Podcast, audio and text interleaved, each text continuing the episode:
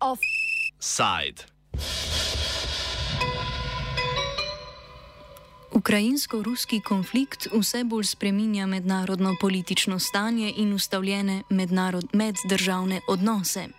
Na rusko invazijo sta se odzvala tudi Severna Evropa. Danes je finski parlament uradno potrdil pooblastilo finski vladi, da zaprosi za članstvo v Severnoatlantski pogodbeni organizaciji, krajše zvezi NATO.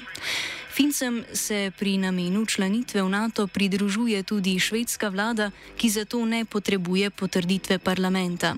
Kljub podpori še posebej evropskih članic vojaške zveze je turški predsednik Recep Tayyip Erdoğan le nekaj ur po finski in švedski napovedi o namenu vložitve prošnje za članstvo v NATO napovedal turško nasprotovanje razširitvi zavezništva, vendar o tem kasneje. Najprej malo zgodovine.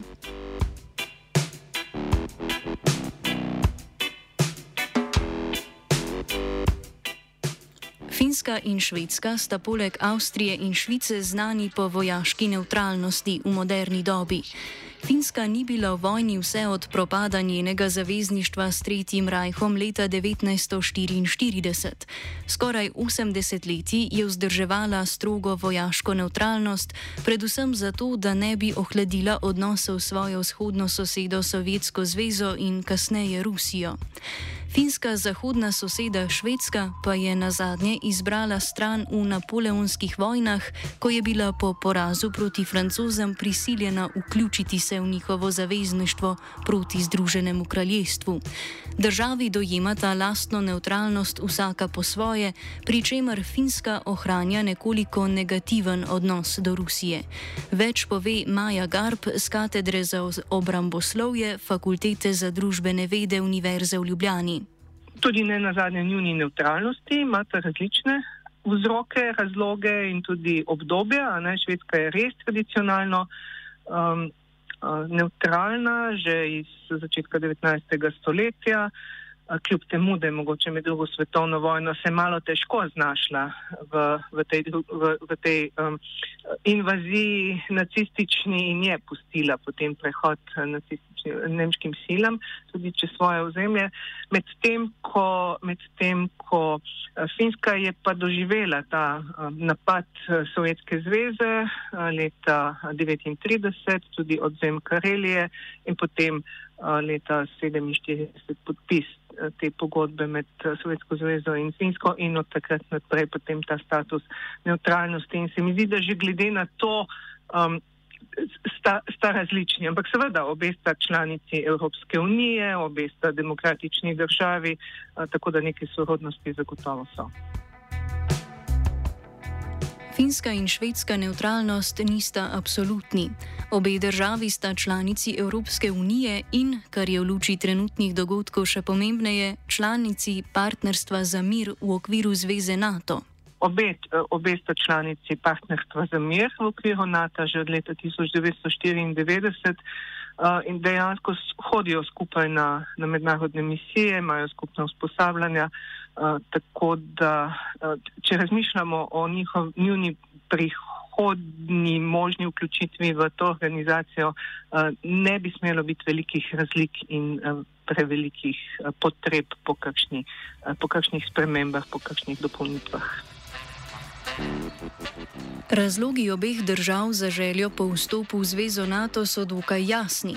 Članstvo v EU državam ne zagotavlja nujne pomoči pri obrambi v primeru tujega napada, ki pa se je zaradi ruske agresije zdaj bojita obe vendar zaskrbljenost teh dveh skandinavskih držav zaradi ruske agresije ni popolnoma nov pojav. Že ob ruski aneksiji Krimskega polotoka leta 2014 sta državi, še posebej Švedska, okrepili vojaško pripravljenost.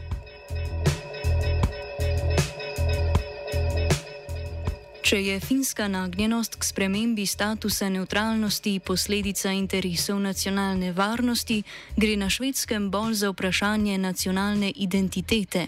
Švedska socialdemokratska stranka, ki je bila večji del prejšnjega stoletja vladajoča in daleč največja stranka v švedskem parlamentu ter gonilo tradicionalne švedske avtonomistične identitete, je pred kratkim spremenila mnenje glede švedskega članstva v NATO. To spremembo kot generacijski prehod komentira Anders Lindberg, urednik notranje politične redakcije švedskega časopisa Aftonbladet. I would say the, the Social Democratic Party have had uh, what it, it calls a dialogue, which is a kind of an internal process where different districts and different uh, local branches have debated uh, the security policy for, for some time. Um, and I would say that there is two processes going on within the Social Democratic Party. One is that there is a clear generational shift from the generation of Olaf Palme and the generation of of the neutrality policy, which is mainly people that were active before uh, Sweden joined the European Union in 1995. And then the generation that is now, which is people that sort of, for them, the European Union, international cooperation is something that is natural. And between this old tradition of neutrality and the new tradition of European Union membership, there is a clear, you can clear visible change in how people view a NATO membership. So the young generation is more pro NATO, the old generation is more against NATO. Po sogovornikovem mnenju se je od ruske invazije na Ukrajino na švedskem spremenil odnos do zveze NATO na družbeni ravni. Podpora članstvu naj bi bila visoka ne le med socialdemokrati, temveč tudi v švedskem parlamentu Riksdagu. Prav tako je švedsko razumevanje ruske nevarnosti pogojeno s finskim. Več razloži Lindberg. And the other process you see very clearly is that Finland plays an enormous role. So when Finland uh, have changed their mind, and the Finnish Social Democratic Party have changed their mind, it has an enormous impact on the Swedish Social Democratic Party. And this has several reasons, but one very important reason is that that uh, Finland has 1,340 kilometers border with Russia. So it's it's a Finnish security situation which is need to be solved in this in this um, in this context. Uh, so when Finland say that they don't trust Russia anymore, there is a good reason for Sweden not to trust Russia. Za razliko od baltskih držav in Polske, ki so trenutne NATO-ve članice na meji z Rusijo, imata Finska in Švedska vsaka svojo moderno vojsko z velikim vojaškim potencialom. Vsaka je močna na svojem področju, skupaj pa prispevata nezanemarljivo in vsestransko okrepitev NATO. Specifične značilnosti švedske in finske vojske komentira Lindberg. Uh, the thing is that if you look at the geography, you see very clearly why Finland has not uh, mm-hmm. uh, changed its policy after the, the, the, fall of the Berlin Wall because they don't trust Russia. Uh, no one in the north trusts Russia, so so so they're, they're not alone. But the thing is that they need ground forces to protect their land border. Our border is at sea or in the air, uh, which means that the two countries have focused quite clearly uh, on the, the perception of what threat they see. And I can't really see this change because geography doesn't change. Lindberg meni, da se zaradi vlaganja v dodatne vojaške kapacitete od ruskega napada na Krim leta 2014 sestava in velikost obeh vojsk v primenu članstva v NATO ne bosta spremenili. Za Švedsko in Finsko je obdobje, ko še ne bosta polni članici zavezništva, vsaj teoretično, čas, ko bosta geopolitično bolj ogroženi. Le polno članstvo namreč zagotavlja jamstvo o pomoči napadeni določita članici, ki izhaja iz petega člena NATO-ve pogodbe. Te skrbi so članice NATO odpravile z zavezo, da bodo v času sprejemanja Finske in Švedske v zavezništvo zagotavljale pomoč ob morebitnem napadu.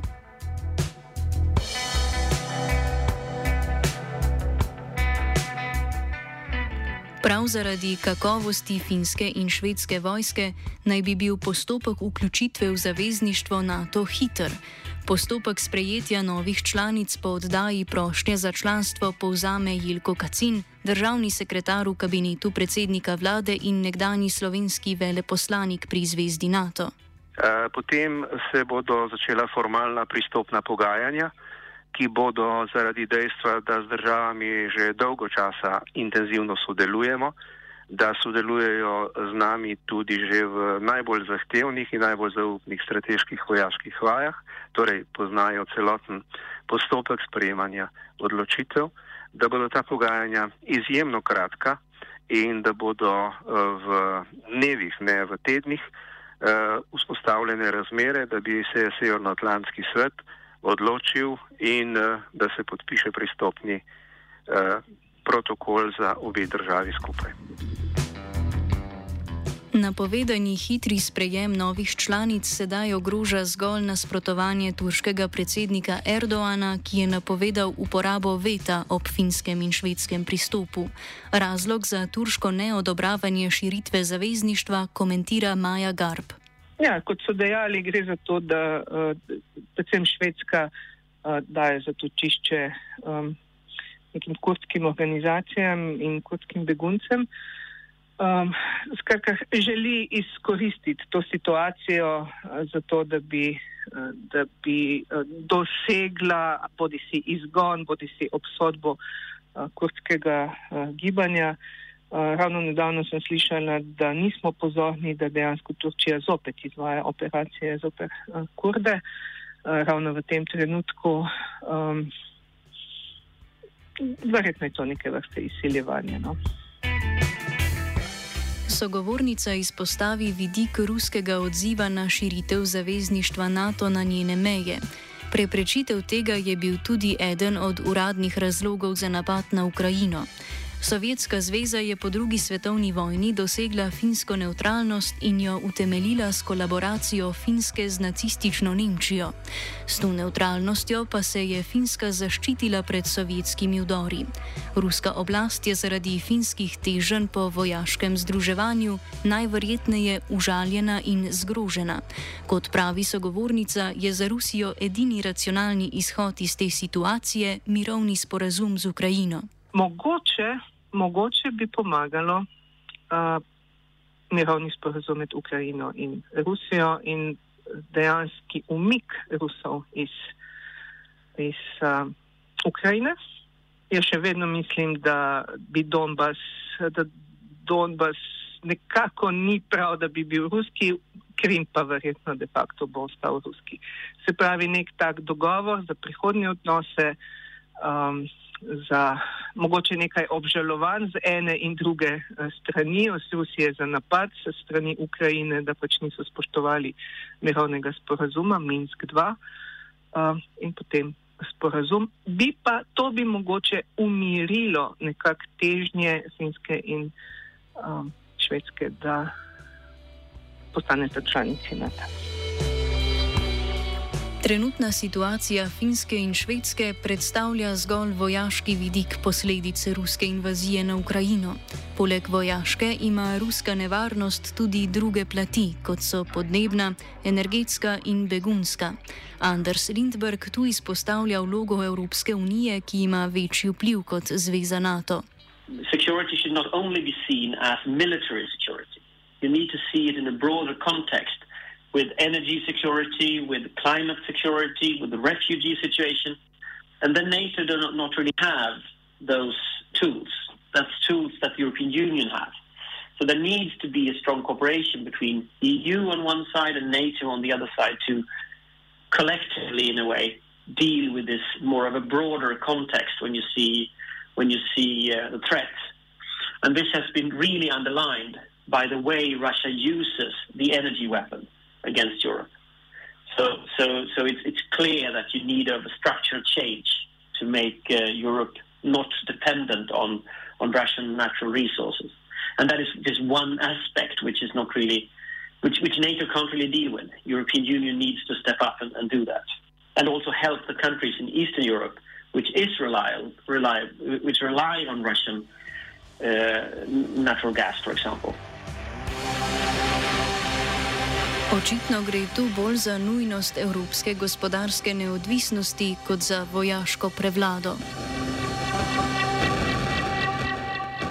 Offside je pripravil Vito.